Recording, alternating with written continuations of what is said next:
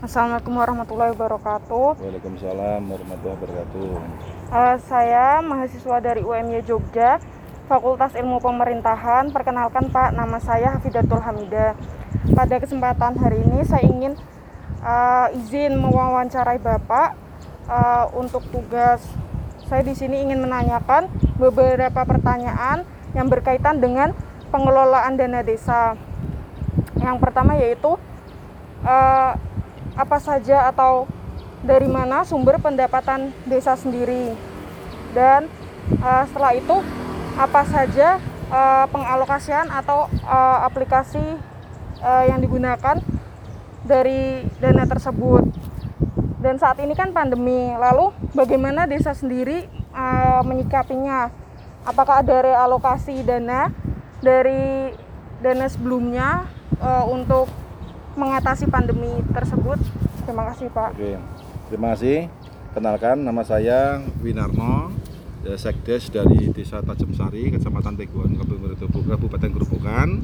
Ya, kita ucapkan selamat datang pada Mbak Mida yang pada hari ini bisa silaturahmi di desa kami yang intinya mau minta penjelasan dan informasi penggunaan dana desa dan mungkin ingin mengetahui seputar yang ada di desa saya ini. Pertama, uh, tadi Mbak Mida menanyakan yang kaitannya desa itu yaitu bersumber pendapatan desa dari mana. Itu kita jawab yang pendapatan desa itu pendapatan asli desa itu desa mempunyai salah satu kas sendiri yaitu bengkok atau bondo desa. Yaitu dilelang tiap tahun sekali. Nanti pelelangnya itu adalah masyarakat desa Tajem Sari sendiri. Terus nanti tiap tahunnya itu dilelang terus dana itu nanti dikumpulkan terus e, nanti dibuat anggaran dalam satu tahun itu. Nah dana yang dari khusus asli pendapatan desa itu adalah bondo, bondo desa yang pendapatannya itu asli itu bisa digunakan untuk kegiatan rutin yaitu untuk kebutuhan kantor rutinitas juga bisa digunakan untuk pembangunan yang ada di wilayah desa Tasik Terus yang kedua yaitu kaitannya dulu ada dana adi, adi, adi tapi sekarang sudah diganti dengan dana desa. Dana desa ini bantuan dari APBN yang mendapatkan 10% dari bantuan APBN itu antara desa satu dan desa lainnya itu berbeda jumlahnya karena nilai atau uang yang diberikan dari pusat ke desa itu besar kecilnya dihitung atau di disesuaikan dengan baku. Satu wilayah desa luas wilayah desa dan jumlah penduduknya. Kalau penduduknya itu e, penduduknya banyak dan wilayahnya itu luas itu pasti mendapatkan APBN eh, lebih yaitu dari yang jumlah atau wilayahnya sedikit. Di tempat saya mendapatkan bantuan kurang lebih 700 juta per tahun yang itu dana AB termasuk dana desa.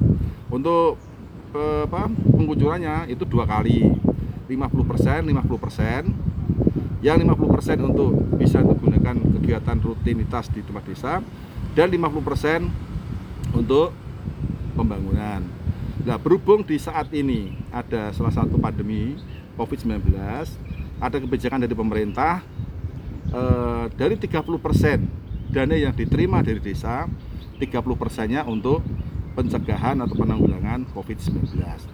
Nah, perlu kita sampaikan yang kaitannya dengan dana desa, dana desa dan APBD uh, dan dana desa tadi dengan apa? Uh, eh, PAD itu lelangan itu nanti bisa di masuk dalam APBD tapi penggunaannya tersendiri. Tapi untuk untuk uh, dana desa itu penggunaannya diplot disesuaikan dengan juklak dan jusnis yang sudah ditetapkan. Tidak boleh kaitannya e, penggunaan asal. Berarti di situ ada dan jurusnya. Berarti ada petunjuk pelaksanaan dan petunjuk teknisnya. Tapi kalau untuk dana e, yang dari APBDes yang termasuk dari dana lelangan itu fleksibel. Berarti bisa untuk menggunakan e, membantu kaitannya dengan warga, kaitannya bisa membantu untuk perbuatan jalan di perkampungan semua.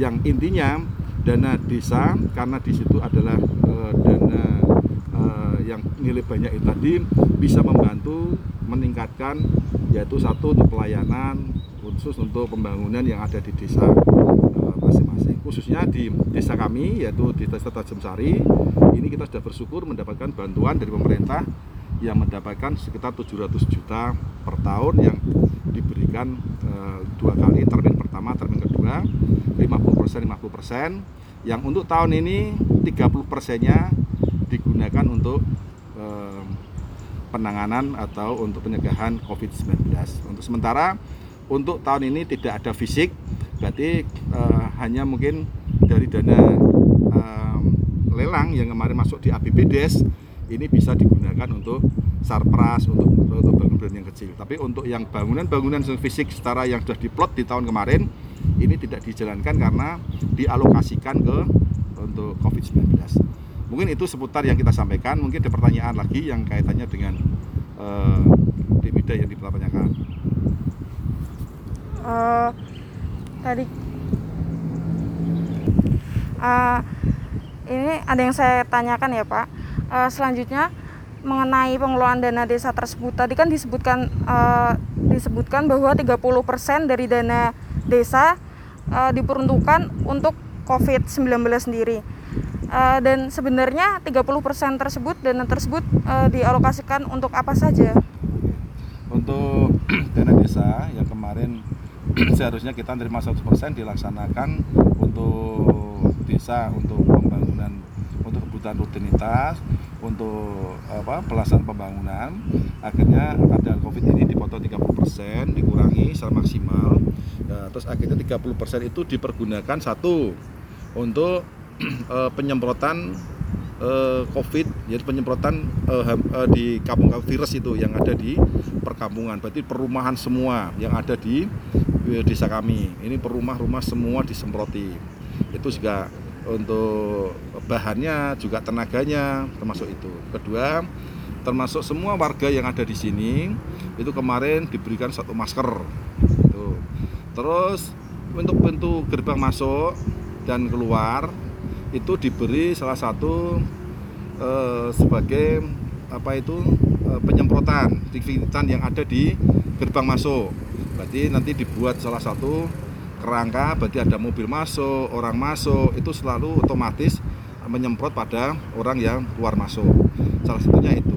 Terus juga kaitannya dengan menem- salah satu material bangsal ya bila mana nanti warga yang kemarin ada yang kena COVID-19 itu kita kasih tempat salah satu tempat yang kita sendirikan yaitu ruang isolasi.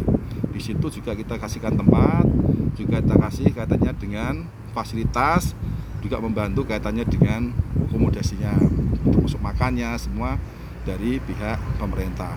Berarti 30% itu kemarin sudah secara maksimal dilaksanakan karena COVID-19 ini eh, akhirnya malah diperkirakan satu tahun sudah selesai ternyata malah melebih dari jangka waktu. Akhirnya akhirnya saya juga memberikan sosialisasi pada masyarakat agar eh, masyarakat sendiri eh, bisa menjaga diri bisa khususnya 3M yaitu cuci tangan menjaga jarak dan yang satunya memakai masker. Jadi harus selalu di, di dilakukan khususnya di masyarakat. Berarti intinya eh, hidup sehat itu yang kaitannya dengan 30% dari dana desa bantuan dari pemerintah. Tapi yang jelas untuk kegiatan-kegiatan pemerintahan yaitu dari yang 10% sisanya 7% itu 70% itu bisa digunakan kaitannya dengan kebutuhan untuk rutinitas di kantor pelayanan termasuk ATK semua tidak ada masalah. Terus untuk bangun-bangunan yang fisik yang nilainya agak besar itu bisa ditangguhkan. Tapi bisa dibantu dengan dana eh, dari APBDes yang sumbernya dari hasil lelangan bondo deso yaitu bondo deso itu dilelang tadi ya tata sampaikan tadi di depan, di depan yaitu dilelang pada masyarakat em, desa Tajam Sari. Dihadiri dari masyarakat lelangan bebas. Akhirnya nanti setelah dana terkumpul nanti dibuat salah satu APBDes nanti digunakan untuk kepentingan desa. Itu yang eh, apa yang ditanyakan Sari Mbak Mida Eh, mungkin ada pertanyaan-pertanyaan yang lain yang bisa kita bantu. Yang jelas eh, untuk di wilayah desa Tajam Sari ini eh, cara penggunaannya semua sudah sesuai dengan prosedur dan sesuai dengan aturan yang ditetapkan sama pemerintah. Mungkin itu sama Mbak Ida Eh, Berarti bagi Bapak sendiri eh, tentu ada perubahan signifikan ya Pak dari sebelum masa pandemi ke masa pandemi ini. Oh ya, ini jelas ada satu perubahan yang kaitannya semua dari pelayanan, semua dari kegiatan baik itu untuk bermasyarakat itu jelas lebih ada lebih hati-hati, apalagi dengan kerukunan di masyarakat kaitannya dengan kerja gotong royong pun di sini juga akan juga terganggu dengan adanya pandemi. Terus keduanya kaitannya dengan bantuan yang harusnya eh, bisa menyentuh pada fisik meneruskan program pemerintahan desa meneruskan program yang dari tahun kemarin akhirnya untuk tahun ini sementara berhenti karena dana yang kita terima 10% kemarin itu ada 30% harus harus eh, tersisihkan untuk kebutuhan untuk menanggulangi Covid-19. Sampun Pak, Eh, terima kasih Pak atas waktunya. Eh, saya bisa mewawancarai, saya bisa apa menambahkan ilmu. Terima kasih Pak. Sama-sama Mbak Mida, saya juga terima kasih atas kunjungannya. Mudah-mudahan eh, atas kehadiran Mbak Mida di desa kami sangat bermanfaat, bisa membantu untuk eh, melengkapi proses pembelajaran yang ada di eh, sekolah Mbak Mida. Begitu. Terima kasih. Eh, mungkin cukup sekian. Terima kasih Bapak. Wassalamualaikum warahmatullahi wabarakatuh. Waalaikumsalam warahmatullahi wabarakatuh. Pak.